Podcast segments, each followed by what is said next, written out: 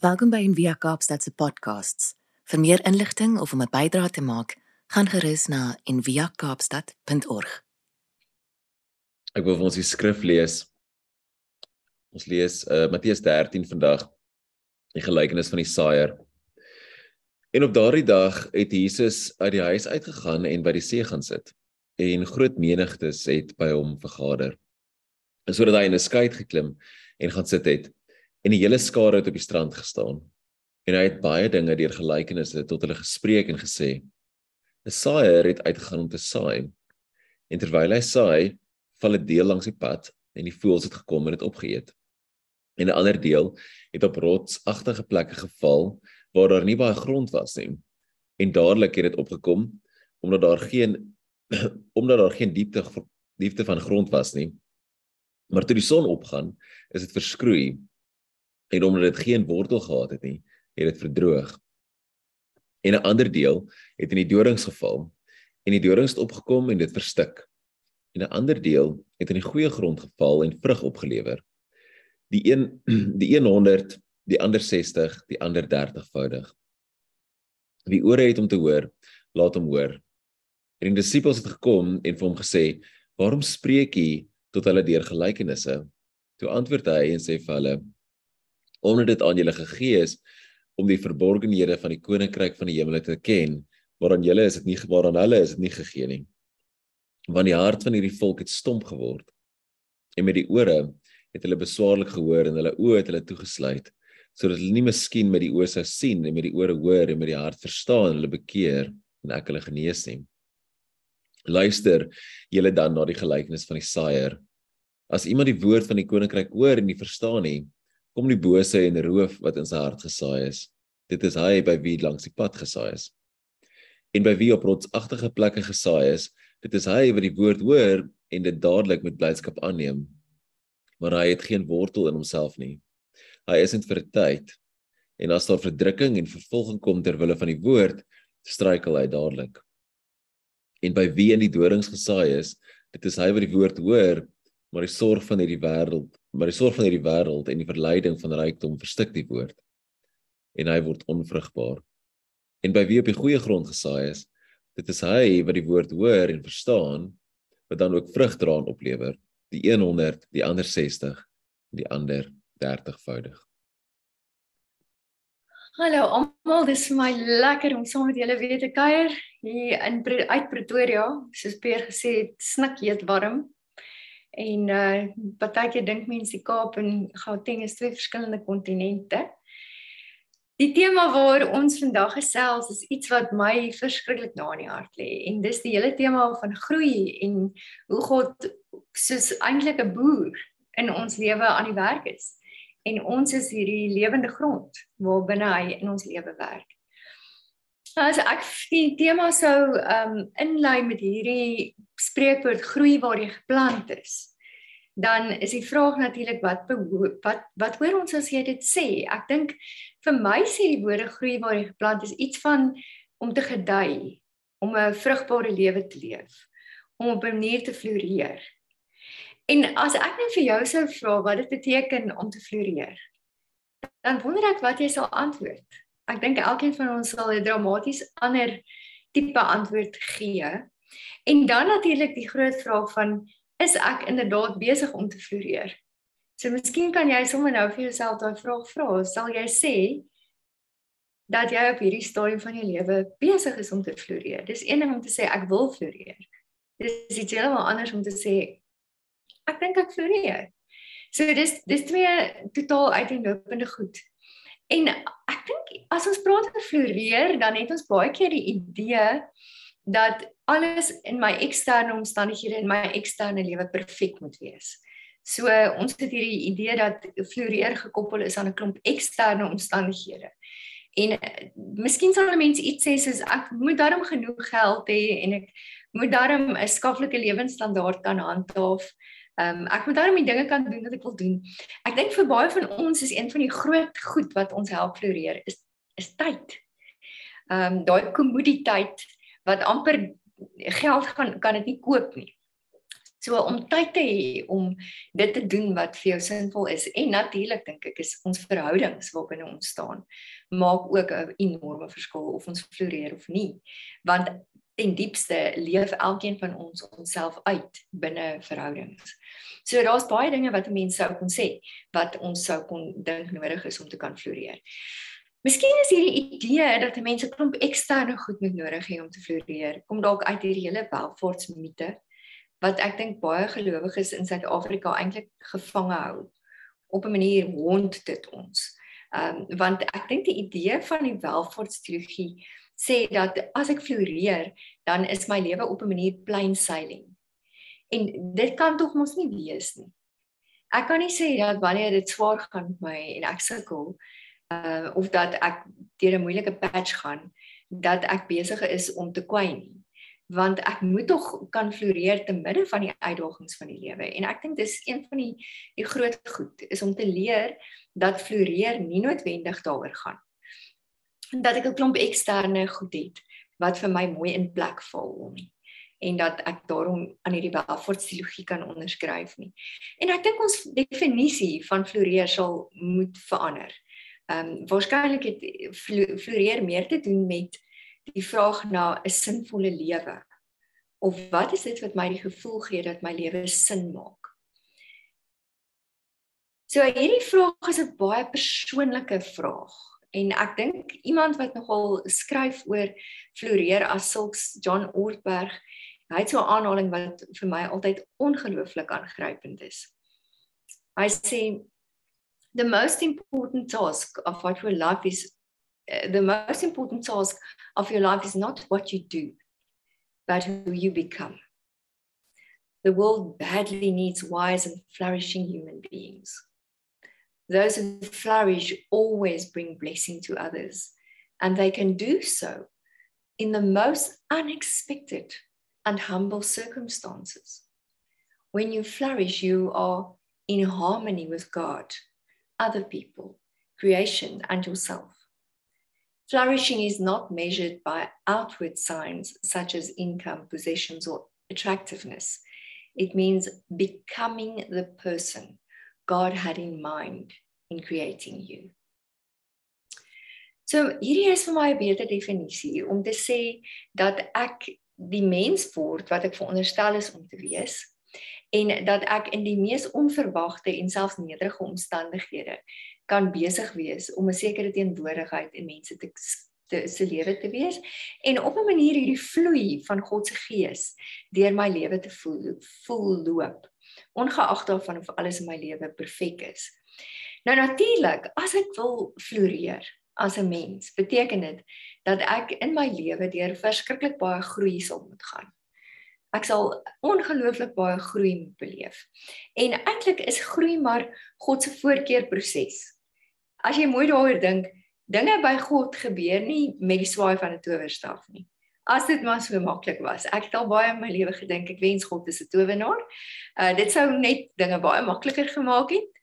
Maar dit gebeur nie in 'n oogwink nie. God werk nie in 'n oogwink nie. God werk altyd met prosesse van lewe.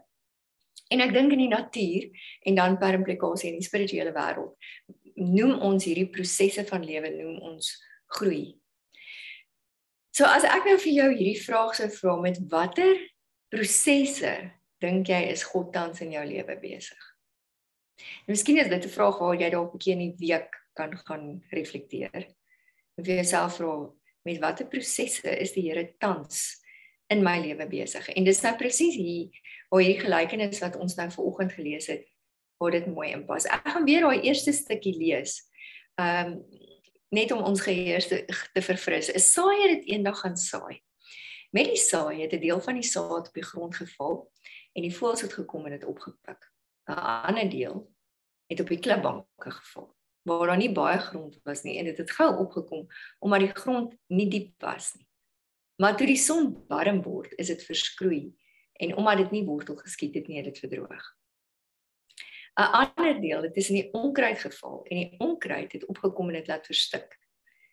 Die ander saad het in goeie grond geval en oes gelewer, party 100voudig, ander 60voudig en ander 30voudig. Nou ek dink as mens nou die gelykenis uitpak en Jesus self doen dit in die volgende paar verse dan dan sien mens hierdie vier soorte grond. So daar's die grond wat op die pad val. Ehm um, so dis iemand in wie se lewe die saad van God val, maar dit sink nie eintlik in nie. So jy so jy hoor of jy ervaar of jy beleef, maar jy vergeet baie gou. En dan is daar die saad wat in die holtes van die rotse val. En dit is iets wat jou opgewonde maak. It moves your spirit. Maar jy's so jy's opgewonde daaroor maar net vir 'n baie klein rukkie. Want die oomblik as dit van jou iets begin vra, die oomblik as dit opofferings vra, dan sien jy nie kans vir dit nie. En dan staan die saad wat tussen die doringbokse val. En dis soos 'n mens wat baie gretig hierdie dieper boodskap van God aanvaar totdat jou alledaagse lewe. Jou beroep. Al die ander dinge wat van jou baie vra. Totdat dit begin om sy tol te eis en jy dood eenvoudig nie meer krag oor het vir die goed van God wat belangrik is nie. En op daai manier verdring dit eintlik hierdie geloofsgroei proses in jou lewe. En dan staan die vierde soort grond, hierdie vrugbare grond waar die saad inval en jy word op 'n manier diep daardeur geraak. Dit affekteer en omvorm jou hele lewe en jy begin om met oorgawe jouself te gee vir hierdie dieper pad. Nou, voor ons by dit kom, dink ek dis belangrik om te sien in hierdie gelykenis is daar drie elemente. Daar's die grond en dan sal die saad en dan is daar die saaier. Nou ons gaan dit bietjie uitpak, maar as mense sou kon sê die grond is eintlik my en jou lewe. Dit is ons harte of ons siele of ons binnekant. En dan is die saad, as mense dit nou so vinnig en en ek gaan nou bietjie meer oor dit sê want ek dink ons gaan te vinnig oor hierdie saad. Een van die redes hoekom ek dink min mense noodwendig so oop en ontvanklik is vir hierdie saad is wie is nou as ek sê die saad is die saad van die evangelie of die saad is die saad van die koninkryk van God. Ek weet nie van jou nie, maar dit inspireer my nie verskriklik. dit klink so klinies. Die saad van die evangelie of die saad van die koninkryk van God. Wat is dit nou eintlik? So ek dink dit is belangrik dat ons daai terme terme 'n bietjie dekonstrueer. En dan natuurlik die saaier waar ek nou nou gaan stil staan. So as ons praat oor die grond, dan praat ons oor die grond van ons lewe. En een van die klassieke maniere hoe hierdie teks gelees word is om te sê, "Oké. Okay, Watter grond is jy? Is jy die pad? Is jy die rotse? is jy die onkruidgrond of is jy die goeie grond en ek dink die dilemma is dat ons van kleins af ek onthou eintlik sulke sulke voorvalle waar ek van kleins af eintlik met skuldgevoelens gedreig is as ek nou dit durf waag om enigiets anders as die vrugbare grond te wees die realiteit is elkeen van ons is al vier hierdie grond gelyk daar's nie een van hierdie soorte grond wat nie in my aanwesig is nie. En dis die heeltyd besig om te fluktueer. Deur die loop van 'n spesifieke dag is ek al vier hierdie soorte grond. En miskien kan dit ons help om om daarvan bewus te wees dat soms is ek soos die voetpad waar dinge so vinnig gaan en waar my lewe so vinnig gebeur dat niks daar gaan groei nie. Niks wat wat na my kant toe kom gaan kan wortel skiet nie daar's al party goed in my lewe wat ek gewoon nie wil hoor nie wat ek net nie voor wil oop wees nie en wat ek net aktief teen weerstand bied. En ander kere is ek soos die klippe langs die pad. Ehm um, dis ek hoor vinnig, ek hoor lees vinnig 'n quote of ek hoor vinnig iets wat my ongelooflik inspireer. It quickens my soul. Maar die oomblik as dit iets van my vra of die volgende ding gebeur, dan is dit eintlik weg. En dan is ek op 'n gegeewe tyd van die dag is ek soos die grond met die onkruid en die dorings. Ek wil eintlik groei. Ek wil regtig. Maar die agenda van my ego en die druk van my lewe en die bekommernisse of die verantwoordelikhede wat mens het, versmoor amper daai begeerte. Nou in die boodskap in die vertaling van hierdie ehm um, gelykenis word dit so mooi, hierdie spesifieke vers so mooi vertaal. Dit sê hy het nie meer tyd of krag oor om vir die Here te leef of te werk nie. So verdring al hierdie ander dinge die geloof eenvoudig uit sy lewe uit. Later kan 'n mens nie eers meer agterkom dat hierdie persoon Jesus se boodskap so gretig aanvaar het nie. So dit is vir my so 'n mooi verwoording van presies hoe hierdie dinamika in ons lewe werk. En dan kry mens die die die tye van die dag wat jy die vierde soort grond is. Waar jou hele binnekant, jou hele wese is so gereed, so voorberei en so ontvanklik en oop en jy is gereed om hierdie grond in jou lewe te versorg en om toe te laat dat God in jou lewe kan doen wat hy graag wil en wat dan uiteindelik hierdie groei in my lewe teweegbring. Nou ek dink daar's daar's 'n paar goed wat ons hier moet raak sien. Ehm um, die eerste is in die eerste 3 soorte grond is daar 'n 'n baie sterk ooreenkoms tussen al drie. En dit is dat al drie forme van of al drie tipes grond, die pad, die rotse en die doringbosse bied weerstand. En daai weerstand sommige van daai weerstand kom van buite af, maar dit kom eintlik van binne af. En dis iets wat ek dink ons baie mooi oor moet dink in terme van ons geestelike groei prosesse en hierdie prosesse van lewe is daar's baie dinge in ons lewe waarteen ons weerstand bied. En die vraag is hoe lyk weerstand vir jou? Ek dink elkeen van ons bied weerstand op verskillende maniere. Ehm um, mense sou kon sê dat die die pad praat van die hardheid van my hart. Dat my hart soms net so teksel hard is en dat ek daarom weerstand bied. Dit praat ook in die die, die rotse praat van my onwilligheid om mee te gee aan dit waarmee God in my lewe besig is.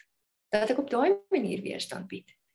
En dan is die derde ding die doringbosse is ek bied weerstand deur al daai goed in my lewe. Ek dink aan daai um, baie mooi eenvoudige ding wat Elizabeth Gilbert op 'n stadium gesê het. Wat sy sê, "When my plate is empty, my heart is full." So iets van daai hoe leer my bord is hoe minder ek het om um, wat my interne agendas van koers afstuur, hoe groter is die kans dat ek gaan oop wees. En dit beteken nou natuurlik nie ons moet lui wees, ons moet nie werk nie. Ek dink wat sy eintlik maar net probeer sê is daar's so baie dinge wat ons so occupy en wat ons aandag so wegvat van God se dieper groeiprosesse in ons lewe dat daar net niks van kom nie. Nou die tweede ding wat ek dink baie belangrik is om hier raak te sien is dat ons in baie van die goed in ons lewe het ons nie soveel beheer nie. Ons het nie soveel beheer oor wat in ons lewe gebeur en in ons eksterne omstandighede nie. Maar ons het wel beheer hoe ons gaan reageer. Ons het wel beheer oor of ons gaan weerstand bied of nie. Dit bring my by die tweede element van hierdie um gelykenis en dit is die hele vraag van die saad. Wat is hierdie saad? Nou soos ek nou nog gesê het, as ons as ek sê die saad is die saad van die evangelie of is die saad van God se koninkryk, dan kan dit 'n mens nogal koud laat. Dit is nie vir my baie inspirerend om dit te sê nie, net omdat ek dink ons geuite maniere van verstaan het oor wat die saad is. So wat is dit nou eintlik? As ons praat van die koninkryk van God of die saad van die koninkryk, dan wil ek dit dekonstrueer en woorde gebruik soos dit is God se droom vir die wêreld. Dit is God se droom vir elke mens.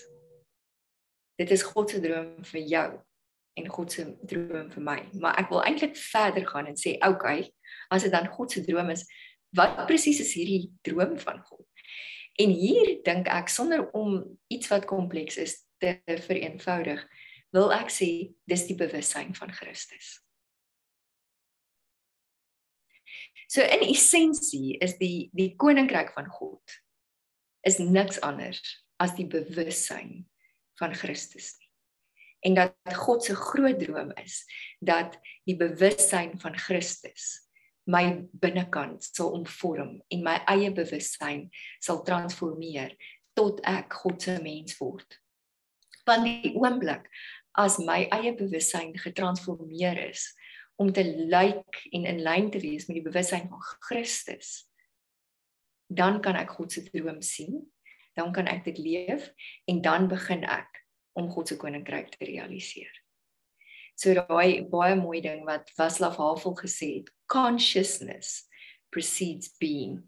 So ten diepste is hierdie saad wat God in ons lewe wil saai, is die bewussyn, the consciousness of Christ. Die bewussyn van Christus. Nou, ek dink iets anders wat my fascineer van die uh metafoor van die saad is hierdie lewe waarmee God binne in my wil besig wees, hierdie proses van lewe waarmee hy in my wil besig wees, is reeds binne in die saad. Binne in hierdie saad is reeds al die potensiaal wat die saad nodig het om te kan groei. Ek moet net daarop reageer. Ek moet net die vrugbare ontvanklike grond wees daarvoor. So ek wil hê dat ons so vinnig kyk na so 1 en 'n half minuut video.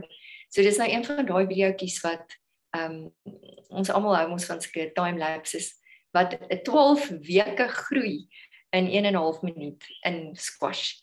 So kom ons kyk waarvan praat ons as ons praat van die groei potensiaal van hierdie saad.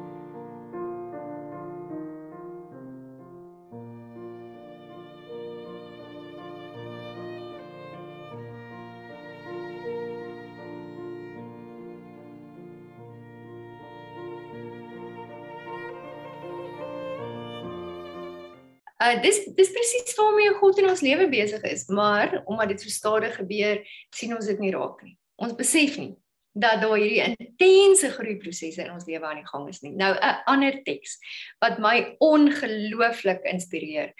Um ek is dink dit is maklik een van my top 10 gunsteling tekste in die Bybel. Is Markus 4 van vers 26 tot 28 waar Jesus sê: "Met die koninkryk van God gaan dit so. Iemand saai die saad op die land en gaan slaap en staan op dag na dag en die saad ontkiem en groei. Hoe weet hy self nie? Van self bring die aarde die graan voort. Eers 'n halm, dan 'n aar, dan die volkoring aan. En wanneer die graan ryp is, steek hy dadelik die sekel in omdat die oestyd daar is hierdie gedagte dat hierdie saad eintlik van self groei en hoekom sou dit van self groei want die groei potensiaal is reeds binne in die saad maar die saad groei nie regtig van self nie die saad groei omdat die een wat die saad gegee het reeds die lewenspotensiaal binne in die saad gesit het en hierdie groei bewerk En dit bring my by die metafoor van die saaier. Vir my is een van die mooiste goed van hierdie gelykenis is die vrygewigheid van die saaier. Hy loop met hierdie sak vol saad en hy strooi net die saad. Uit nie 'n saak waar dit val nie. Hy loop nie en sê hierdie grond is nou perfekte grond. Hierdie grond kwalifiseer 100% hierdie grond is soet genoeg en daai grond is moreel genoeg en daai grond tree eties genoeg op nie. Glad nie. Hy strooi dit net. En dis 'n ongelooflike gedagte hierdie idee dat sonder die saaier gebeur daar eintlik niks. En dis 'n hart van hierdie groei beginsel vir ons as gelowiges is dit is God wat laat groei. God gee die saad, God gee die potensiaal binne in die saad en God laat groei. Ek kan so gunstige omgewing skep as wat ek wil, maar as God nie laat groei nie, gaan daar nie regtig enige grond plaasvind, groei plaasvind nie. So as ek sê dat ek graag wil sien dat hier hierdie diep liggende groei in my lewe plaasvind en dat ek as gevolg van hierdie groei op 'n diep manier sal floreer, dan is daar 'n paar goed wat ek in my lewe kan doen. Daar's 'n paar goed wat ek kan doen om die grond voor te berei. Want alhoewel dit God is wat laat groei, het ek 'n medeverantwoordelikheid. So my verantwoordelikheid is eintlik twee goed. Ek moet die ruimte skep dat die groei kan plaasvind. En dan moet ek, soos ons in die gelykenis sien, nie weerstand bied nie. En ek wil dit weer sê want ek dink dit is eintlik vir my en my eie verstaan van geloofsgroei is hierdie twee beginsels die geheim. Die eerste is ek moet die ruimte skep dat die, die groei kan plaasvind en in die tweede plek ek moet nie weerstand bied teen dit waarmee God in my lewe wil besig wees nie. Nou dit klink eenvoudig genoeg, maar ons almal weet, probeer dit nou, dit is nie so maklik nie. So om hierdie grond voor te berei, is daar vier goed wat ek dink ons kan doen. Die eerste is om ruimte te skep en hoe skep mens ruimte?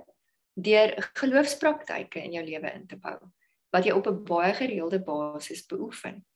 Um deur sekere stukke tyd te gee wat uit en uit pertinent net toegewy is aan groei. Die tweede ding is om te leer om met onderskeiding te leef. Nou wat dit eintlik maar in kort kortliks sou beteken is om al meer te sien in watter rigting God my my roep, my spesifiek wat daai dinge is wat die passie van lewe in my binnekant ontlont en om al meer te begin om in daai rigting te beweeg. So op daai manier word dit die onderstroom waar volgens ek my hele lewe kan leef. Die derde ding wat ek kan doen is om verantwoordelikheid te neem. Om verantwoordelikheid te neem vir myself, vir my gesondheid, vir my binnewêreld, vir my sielkundige en my emosionele toestand, vir my verhoudings en vir die aandeel wat ek moontlik in ongesonde verhoudings kan hê. So om met ander woorde verantwoordelikheid te neem vir my groei. As dit nou God se werk is om te laat groei, dan is dit my werk om die ruimte te skep en om die verantwoordelikheid te aanvaar sodat hierdie groei kan gebeur. As ek hierdie vier goed doen, so om dit net vinnig weer te sê, ruimte te skep of eintlik drie goed, ruimte te skep, um onderskeidend te leef en verantwoordelikheid te neem, dan is die kans daar dat ek die vrugbare grond gaan kan wees waarbinne groei sal kan plaasvind. Of soos Matteus 13 in the message word hierdie laaste vers so vertaal. The seed cast on good earth is the person who hears and takes in the news and then produces a harvest beyond his wildest dreams. Wat 'n idee dat God jou lewe wil gebruik sodat jy kan floreer, sodat dit die grond kan wees waarbinne sy wildste drome kan realiseer. En die vraag is, hoe oop is ons daarvoor? Ek sal graag vanoggend wil afsluit met 'n 'n baie kort gedig van Rumi wat eintlik hierdie uitnodiging net 'n bietjie verder vat. En die woorde gaan so, dit sê be ground be crumbled so wild flowers will come up where you are. You've been stony for too many years. Try something different. Surrender.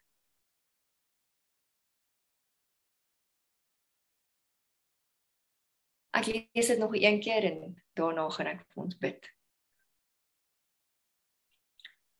Be ground, be crumbled, so wildflowers will come up where you are. You've been stony for too many years. Try some, something different. Surrender.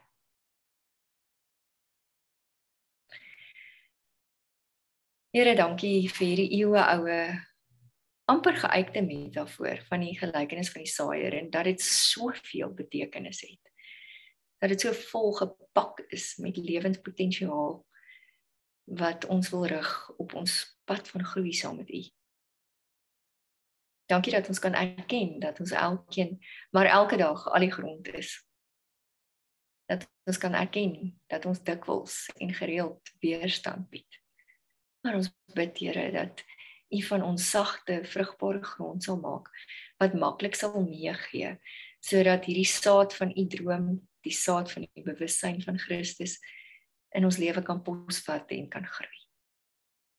Dankie dat U die vrygewige saaier is wat net gee. En ons bid dat U ons help om sagte grond te word wat kan meegee sodat ons kan floreer en 'n oes kan lewer meer as ons wildste drome.